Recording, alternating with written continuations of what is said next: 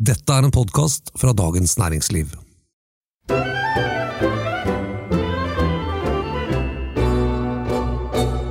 Du vet hva jeg smakte her om dagen? Nei. Jeg smakte hele rangen til Latour. Som de har hatt lagret i sitt bibliotek. Ja. Var det godt? Åh, Velkommen til Jeg kan ingenting om vin, vår egen podkast. Det er det ikke, det er egentlig Dagens Næringslivs egen podkast. Det føles litt som vår. Ja, de, de må kunne ta et visst eierskap her Ja. sitter. Men velkommen til deg, DNs eh, egen Merete Bø. Takk, takk. Som vanlig så ligger alle anbefalingene som vi kommer med her i podkasten, de står i episodeinfoen, så du trenger ikke å sitte med penn og papir. Du kan bare slappe av og kose deg med podkasten. I dag, Merete, skal vi snakke om et av de mest Kanskje det mest klassiske vinområdet i hele verden. Bordeaux. Bordeaux. BX. BX. Kanskje det har blitt litt uhipt. Det er jo uhipt, dessverre. Ja. Altså, Bordeaux føles jo litt som sånn vin for gamle skipsredere. Det var veldig hipt på 80-tallet, og, fortsatt- og 90-tallet tok det helt av. Eh, og så har det liksom blitt stuck med den generasjonen som hadde det kult på 80- og 90-tallet, mens vi andre har gått videre til Burgunder, til champagne og til Pimante og sånn. Okay. Bordeaux er liksom blitt litt sånn passé, fordi at folk har ikke smakt en moden Bordeaux. De syns ikke en ung Bordeaux er noe godt, som jeg er helt enig i. Eh, pluss at de fleste restauranter sliter med å, å putte så mye kapital i kjelleren nå. Men eh, når folk messer rundt om at de bare skal ha naturvin og eh, sånn hipsterjuice og sånn, det kan være masse spennende med det, men en god Bordeaux fantastisk. Og det er så sjelden jeg egentlig drikker det. Men Hver gang jeg drikker det, så tenker jeg åh, dette burde jeg gjort litt oftere. Ja, men det, det, det, og man kan få kjøpt modne Bordeaux! Ja, det er det som er kult med dette området her, fordi at det, eh, de lager så utrolig masse vin. Altså, en liten produsent i Bordeaux lager 100 000 flasker, eller 200 000 flasker, eh, og de store slottene lager gjerne mer, så disse slottene har alltid litt vin på lager. Og når det er litt nedgangstider, da, så tømmer de lageret for litt moden vin. Særlig til marked, sånn som i Norge, for i Norge så er vi De har skjønt at det, vi har penger, vi har lyst på god vin, og vi er villige til å betale for det. Og det er ikke Det er ikke kjempedyrt. Nei, nei, nei. Når det gjelder anbefalinger, vi skal selvfølgelig komme med noen forslag og sånn, men Bordeaux selv har jo laget sin egen rangering av vinene. Ja, i 1855 gjorde de det. Og da Bare forklar kort hva de gjorde. Eh, Det var en verdensutstilling i Paris. Eh, Frankrike ville vise fram de beste vinene på den tid, til alle som kom. Eh, På den tid så var det Bordeaux som, var, som gjaldt, og da lagde de en rangering ut ifra de eiendommene som fikk høgst pris i 1855. Den rangeringen ble er i dag kalt en 1855 classification, og er delt inn i fem kategorier. Det første, andre, tredje, og fjerde og femte kry. Altså eh, eh, vekstene, altså de, Ja. de Og der, i den første kategorien så er det fem slott. Mhm. Og så i den andre kategorien så er det Nei, nå, da vet jeg ikke. Ja, men det er noe sånn 20 Ja, eller noe sånt, ja, og det er det nedover. Det er vel sånn 50-60 slott som ble klassifisert sånn generelt. Og dette var kun i Medoc. Og, og eh, Grav. Og altså på, på, på vestsiden. Ja. Ikke øst fikk ikke lov med. Det var ikke kult nok. Det var ikke bra nok da. Så det er greit å forholde seg til og se på, for det er jo da historisk sett de som har hatt de eiendommene som Ja, har og selvfølgelig, det er vel ganske ubestridt enighet om at eh, de fem som er første kry, er nok de som òg i dag er kanskje de beste. Det er veldig gode andre kryer, og det er veldig gode tredje kryer som kanskje burde bytte plass, eh, og sånn, men, men at det er de fem eiendommene er ganske mange enige i, tror jeg. Men så må du òg tenke på at de eiendommene har kunne tatt mer, for pri, mer pris for vinen sin i 150, nesten 200 år, ikke sant? De har tjent mer penger, de har putt, kunnet putte mer penger inn i investert mer penger i både vinmark og eiendom og utstyr og alt sånne ting, så de har jo eh, Det er jo litt sånn survival of the fittest. Og Hvis et slott er klassifisert i 1855, så står det Grand Cru Classé Mm. på etiketten. Men det viktigste er produsent, altså. Selv om det står Grand Cru Classé, ikke sikkert det er god vin. Men det er en, det er en grei indikator. Det er en grei indikator, selvfølgelig er det da. Men eh, det er noen slott som alltid leverer varene, og noen slott som bare av og til leverer varene. Ever catch yourself eating the same flavorless dinner three days in a row? Dreaming of something better? Well, HelloFresh is your guilt-free dream come true, baby. It's me, Kiki Palmer. Let's wake up those taste buds with hot, juicy pecan-crusted chicken or garlic butter shrimp scampi. Mm. Hello Fresh. Stop dreaming of all the delicious possibilities and dig in at HelloFresh.com. Let's get this dinner party started.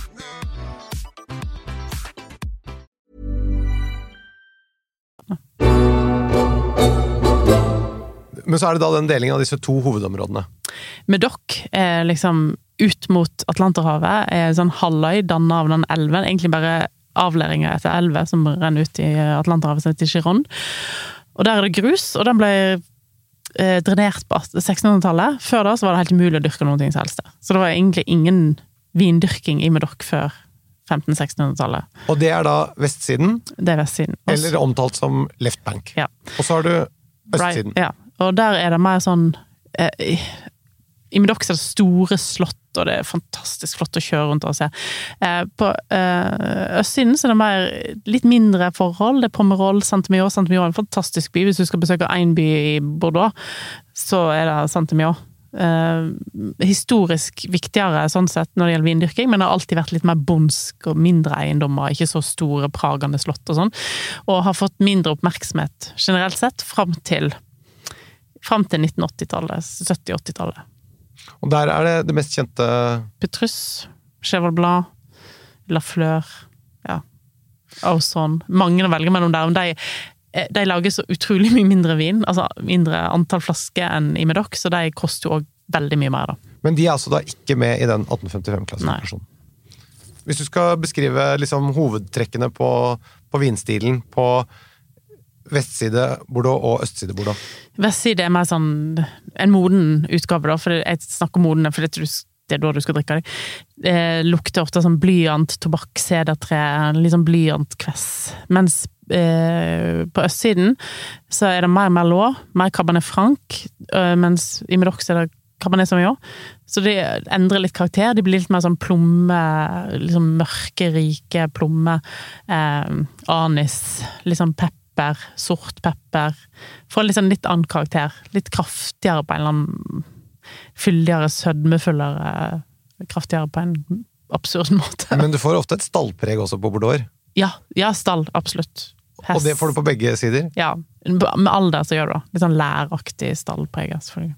Men når det gjelder sånn hva du skal drikke det til, det går ut på ett, eller? Ja, jeg hadde drukket lett left bank og right bank uansett. Og stallen får du overalt. Stallen for Hvis du skal spise okse, så er det godt med litt stalllukt i glasset òg. Og klimaet i Bordeaux, da? Det er jo veldig påvirka av Atlanterhavet. Eh, Det er forholdsvis kaldt i vinens verden. Og det er et område som har hatt ganske mye problemer med sykdom mm.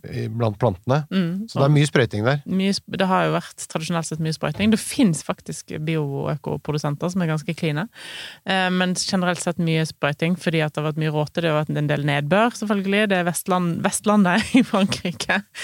Tradisjonelt sett også har de hatt problemer med modne druer, ikke sant? men nå med litt klimaendringer så har det jo blitt varmere, og de får bedre årganger, hyppigere, da. Eh, Men det er jo òg derfor de har så mange forskjellige druer. For det er jo på en måte en forsikring. I et dårlig år så er det alltid noen druer som funker bedre enn andre. Skal du kjøpe Bordeaux, ung Bordeaux, så må du begynne tidlig. Ja, fordi Bordeauxer kan ikke drikkes for tidlig. Nei. Det er så trist. I går så drakk jeg òg eh, Claude Marquis 09, som er elleve år gammel. Ikke i nærheten av å drikke klar engang. Og det er kjempetrist. Så, så hvor, altså, hvor tidlig kan man drikke Bordeaux, da? Eh, det kommer litt an på årgang. Det er veldig årgangssensitivt område. Hvis det er en god, varm årgang, la den ligge minst 20 år. Nesten uansett slått. Eh, og gjerne De fleste smaker ikke godt for etter 30 år. Eh, men hvis det er en kjølig årgang, og et mindre godt slått i et klassisk år, kan drikkes mye før. Men du sa nå- 07, 08. Nå sa du mindre godt, før. her, her må vi være litt tydelige, tror jeg. For det er mange som driver og åpner Bordeauxer ganske tidlig. Altfor tidlig. Ja. Og det, da, det er litt av problemet med Bordeaux, tror jeg, er at de fleste er litt redd for Bordeaux, for de har aldri, de har aldri smakt en moden Bordeaux. Når du har smakt en perfekt moden Bordeaux, så er ingenting som er det samme igjen. Men, men det er nesten ingen som har gjort det, fordi at de fleste drikker de 20 år for tidlig. Ikke sant? Og Og, da da, er ikke det, ikke, da er ikke det godt. Nei. Da smaker det bare frukt og eh, altfor mye tanniner og ubalansert og Nei. 2017-slippet på Bordeaux, Mm. du har ikke noe å gjøre der hvis du er over 60 år.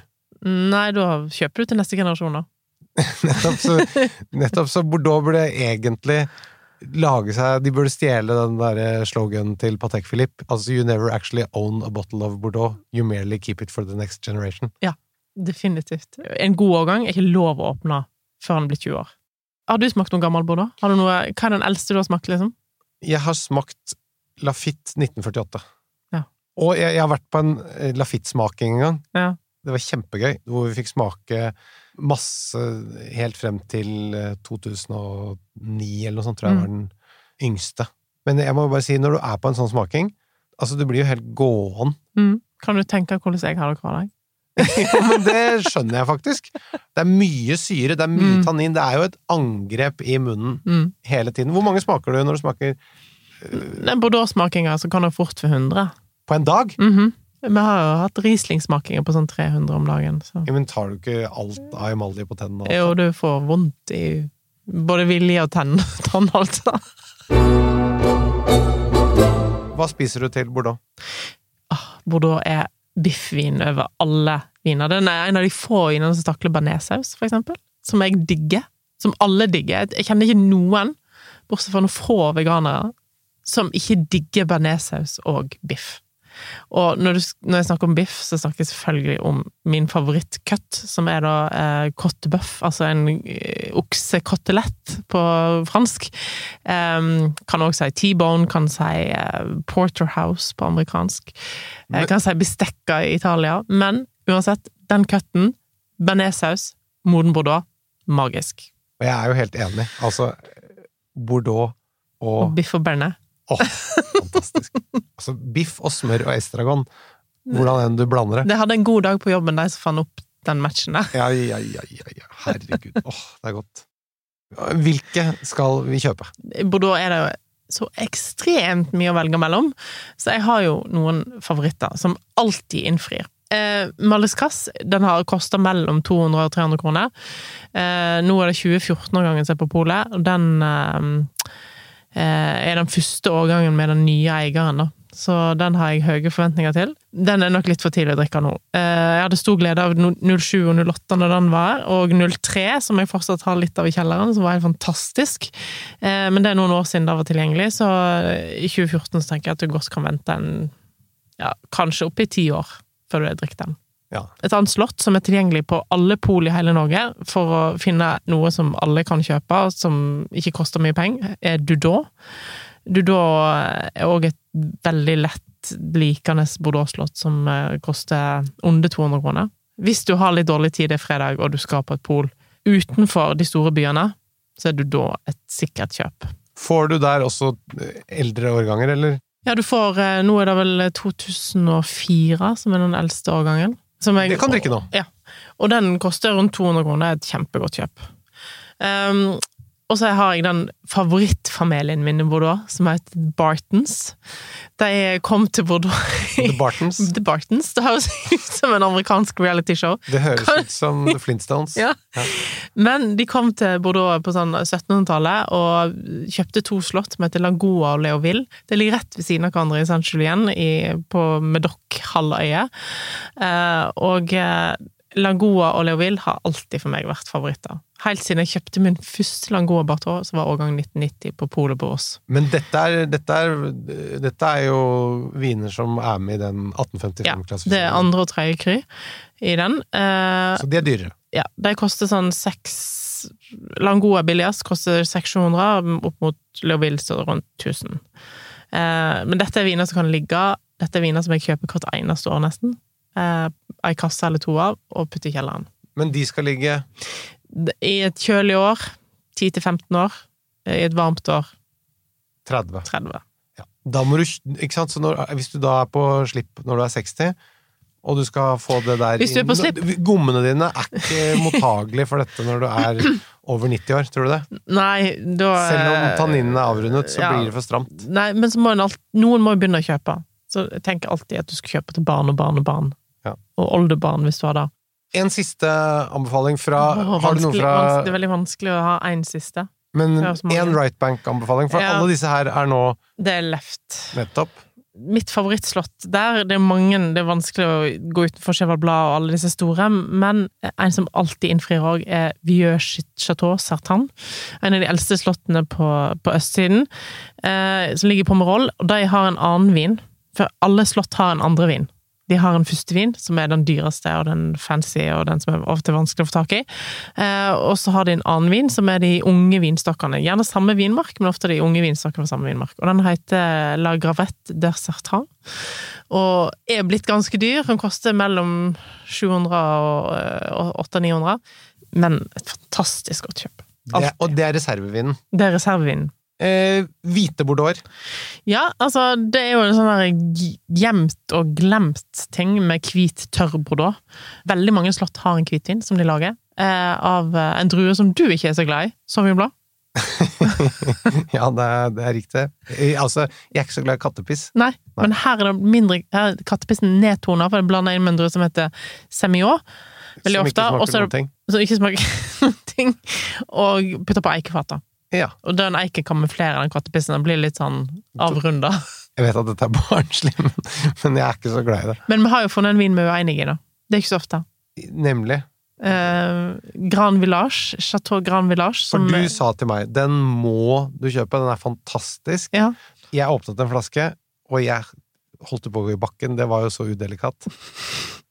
Han er veldig reduktiv, da. Ja, men altså, det var jo Så tenkte jeg ok, jeg må lufte den, da. Ja. For jeg tenkte jo det først. Men det varte jo, og det rakk. Og det, det, det Altså, jeg Så tenkte jeg én time, smakte nei.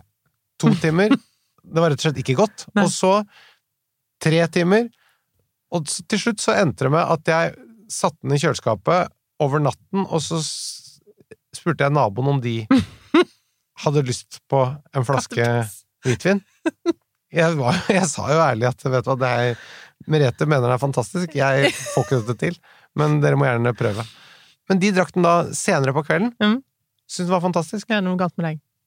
Det kan hende. Eller at den vinen kom seg med at den trengte Ja. et døgn i Den karaffel. Det kan også ha vært en flaskefeil. Den er veldig ung, og den var veldig reduktiv akkurat den, da. Så, men det er jo litt interessant at vi opplever den så forskjellig, da. En hvit bordeaux som er fantastisk. Hva skal jeg forvente meg da? For det første så er prismessig mye bedre kjøp versus kvalitet i forhold til Burgund. Selv om de kan ikke sammenligne dem med Burgund heller, for de har dette litt sånn grønne, kattepissaktige preget, som du kaller det. Eh, på grunn av Sauvignon Blad, så har de òg den eiken. Eh, og helst så bør de være litt modne. Eh, nå har de hatt et litt sånn preox-problem, altså sånn som de har i at de oksiderte litt for tidlig, og det er jo veldig sunt, så det er alltid sånn risk når du lagrer de. Men en moden hvit bordeaux er utrolig godt. Og hvor lenge snakker vi om lagring da? Nei, altså, det kommer litt an på slottet her òg. der har du en familie som heter Lurtot, som eier mange forskjellige slott. De har en vin som heter Rochemonet, La Louvière og Queens Lurtot. Alle disse her trenger mellom fem og ti år lagring. Du finner modne utgaver på polet, og det er ganske kule viner. Og og koster ikke så mye heller, det koster noen hundrelapper. Eh, og så har du jo sånn som Hopprio. Hopprio er jo en av de dyreste slottene i Bordeaux, på rødvin. Men hvitvinen deres er kanskje den aller beste hvite bordeauxen, og koster enda mer enn den røde. Det koster sånn 8000-9000 for ei flaske, og trenger uendelig mye tid. Jeg smakte 85 en gang, eh, og da tenkte jeg dette, Det brukte sju timer i en karaffel, og likevel så var ikke han kommet rundt, liksom. Så den er ekstremt konsentrert, ekstremt sjelden, fins nesten aldri på polet, men hvis du får tak i den i et modent år, så er det ingenting som slår den. Også noen hvite uh, bordeauxer som ikke koster en halv milliard, som vi kan kjøpe. Jeg har jo lyst til å gå tilbake igjen til Grand Village, eh, men jeg tør nesten ikke anbefale. jo, men Det altså, koster 260 kroner, da. Det er veldig godt kjøp. Roche Monet, veldig bra. Eh, La Louvière, veldig bra. Eh, Corinne Slurtot, veldig bra. Det er de tre som alltid innfrir på en eller annen måte. og disse skal drikkes cirka hvor Ja, gamle? mellom fem til ti år. Og koster Eh, mellom 250 og 400 kroner. Er du vininteressert, så får det være greit innimellom. Ja, det syns jeg. Altså, Dessertvinene fra Bordeaux er kanskje de mest kjente hvite bordeauxene. I Sauterne og Barsac så lager de da eh, edelråtne, søte dessertviner. Som er verdensberømte. Da snakker vi en halvtime til. Da tar vi det en egen gang. Vi er tilbake neste uke. Takk for at du hørte på. Men har du noe Bordeaux i kjelleren sjøl, eller? Ja, du har kjøpt noen gamle bordeaux. faktisk. Ah.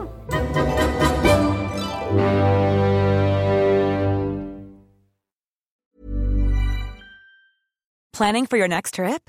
Elevate your travel style with Quince. Quince has all the jet setting essentials you'll want for your next getaway, like European linen, premium luggage options, buttery soft Italian leather bags, and so much more. And is all priced at 50 to 80% less than similar brands.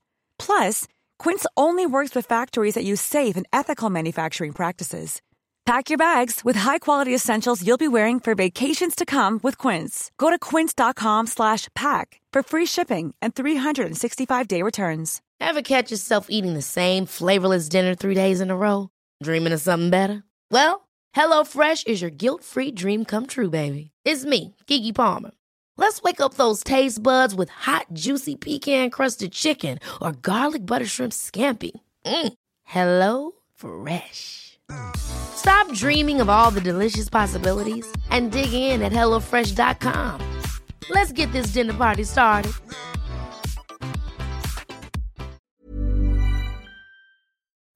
Du har nå hørt en podkast fra Dagens Næringsliv.